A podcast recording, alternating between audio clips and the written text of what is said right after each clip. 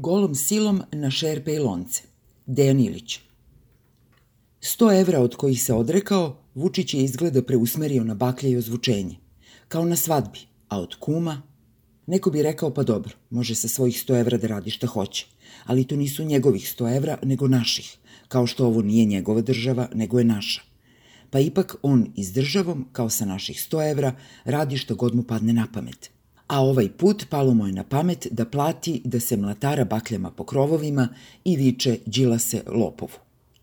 Kakva je to politička poruka, Đilase lopovu, poslata sa krova pod svetlom i dimom baklji?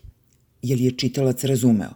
To je kao odgovor na udaranje u šerpe i lonce. Dobro, šta je udaranje u šerpe i lonce? Vučić kaže to je otimanje aplauza od lekara. Dobro, što onda nije platio da se mlatara bakljama i viče, recimo, živela struka. Ili, ako ne baš struka, onda, na primer, živeli lekari. Ako je lekarima iko i uzeo aplauz, a nije, to bi bio jedini smisleni način da im se aplauz vrati.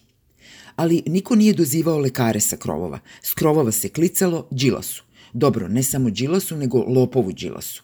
Pa moramo iz početka. Zašto ljudi širom Srbije lupaju šerpe i lonce? Zato što se bune protiv zatvaranja po kućama, protiv kršenja zakona i ustava, protiv zloupotrebe nezakonito proglašenog vanrednog stanja. Vučić kaže to je u velikoj meri politički gest. Ne Vučiću, to je u svakoj meri politička poruka. Ona kaže nećemo diktaturu. Pod zaštitom policije Vučićevi plaćenici na to odgovaraju Đila se lopovu. Veru se po zgradama i pale baklje. Kakav je to politički odgovor?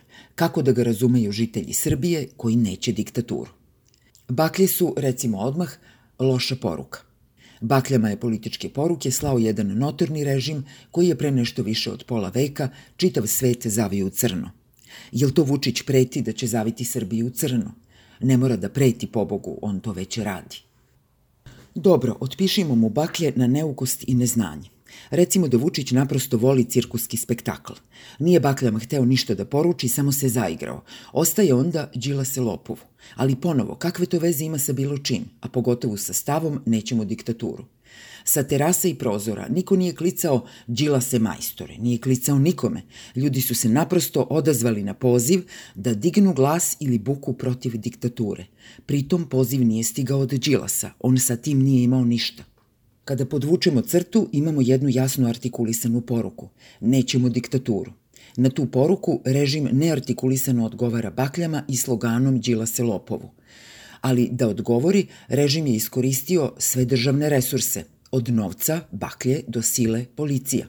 I uz to pokazao da se žitelji Srbije dele na one prvog i one drugog reda. Za one u prvom redu zakoni ne važe i imaju zaštitu policije dok ih krše. Za one u drugom redu, čak i kada poštuju zakone, nema garancije da ih neće maltretirati policija. I zato sad možemo mirno da prestanemo da se pravimo naivni. Sinoć smo dobili jasnu poruku.